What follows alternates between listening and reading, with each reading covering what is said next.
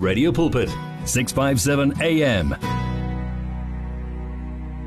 Ya um ngithola la iWhatsApp u ucela inamba leyana besibiza lam kamfundisi uMondli Dlamini. Kuwo wonke umuntu ongakwazanga uyithola kahle inamba kamfundisi uMondli Dlamini. Um it is uh, 0795291792 0795291792 inamba kamfundisi uMondli Dlamini eh bazobeke bane revival uh, Tsakani prayer revival eTsakani. So uma ufuna more info nayi inamba yakhe 0795291792 kwamanje selapha kumfundisi uzodwa masango eh sizwe ukuthi uNkulunkulu umphathiseni ku lentambama mfundisi wami sawubona.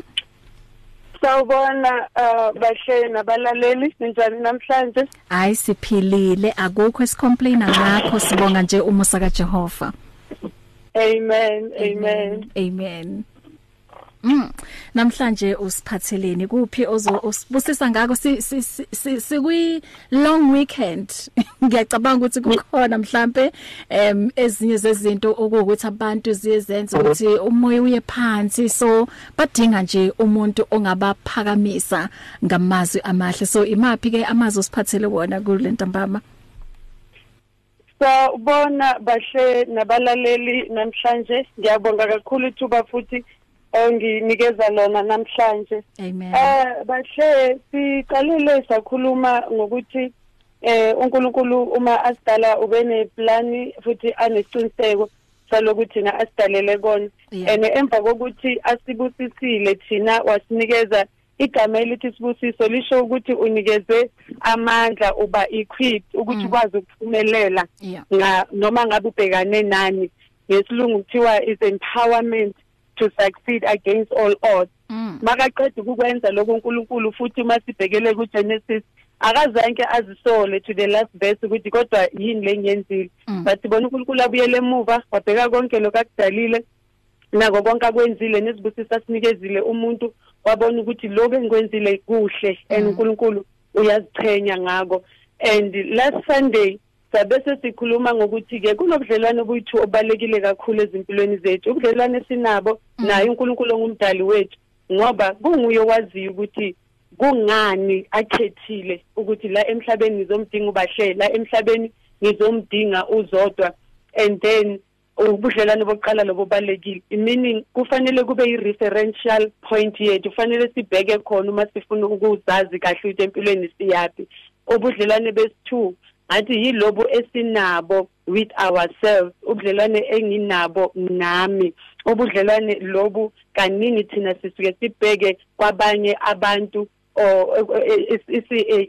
isibonele engingasenza esokuthi sizobe sifuna mhlawumbe ukuthi omunye umuntu akholelwe kithi omunye umuntu akholelwe kwi-potential esinayo akholelwe ezintweni esingakhona ukuzenza kube nguye ositshelayo ukuthi sibahle kube nguye ositshelayo ukuthi we are fitting kube yibo abasitshelayo ukuthi sibalulekile. Kanti lo budlelwane lobo kumele sibe nabo qala nathi kube yimi kuqala eh bahle nabalaleli. Engizosho ukuthi mina ngimuhle mina ngicapable ngiyakwazi ukwenza lokho nginamandla okwenza lokho and ngiyazazi ukuthi ngiphathiswe ini uNkulunkulu ongidalile. So ubudlelwane obu obu obuyithulo obaleke kakhulu. Ubudlelwane nosidalile ubudlelwane esinabo thina.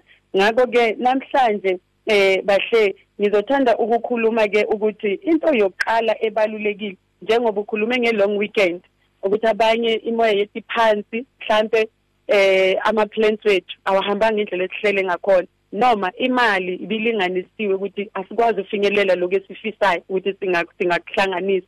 Abanye bethu imndeni yethu maybe sigabene okwamanje abanye abangani sihlukene amanye ama plans besithi siyawahlanganisa kodwa zanke sikhone okwahlanganisa ngenxa yokungazwani nangenxa mhlambe yokungavumelani. Abanye bethu maybe besiplanile ukuthi ngalesikhathi kule long weekend yaka 2022 ngizobe sengikwazile uku-achieve 1 2 3 and then um angakazi khona now i-long weekend iyeza.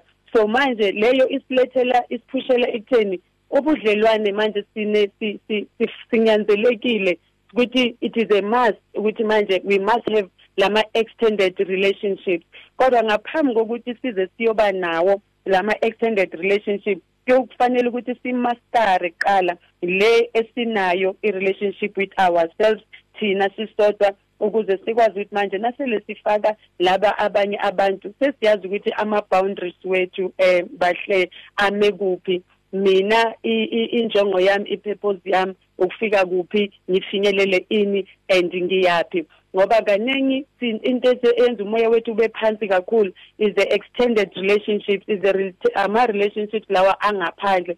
Ngethi isikhathi lokho kuzokwenza umoya wami ube phansi. Akusiyimi mina ngingedwa? Kodwa umoya wami uzoba phansi uma sengibheka ukuthi laba abanye abantu nge-long weekend bayenzani? Laba abanye abantu nge-long weekend they can afford ukuya Durban laba abanye abantu nge-long weekend they're going to gather together. Eh bazohlangana together bangumndeni. Kodwa mina zodwa anginakho lokho. So kunelizwi engilithanda kakhulu eBhayibhelini eh njengoba bahle eh abanye abalaleli bazobe bayazi bengingakushongo lokho mangizi introduce eqaleni mangihlangana nabalaleli. Ukuthi ngine company ebizwa the Lifter Consulting i-company leyo ibhekane nje nokupholisa umuntu ngaphakathi mm. ibhekane nezime yes nama issues of the soul wemphefumulo mm. yethu yebo Wow. So izwi elikhulu kakhulu kuleyo company engibhekane nalo elokuthi guard your heart. Bahle ngaphambi kokuthi sibe nama extended relationship yeah. masizibheke mm. let us guard our heart have boundaries mm.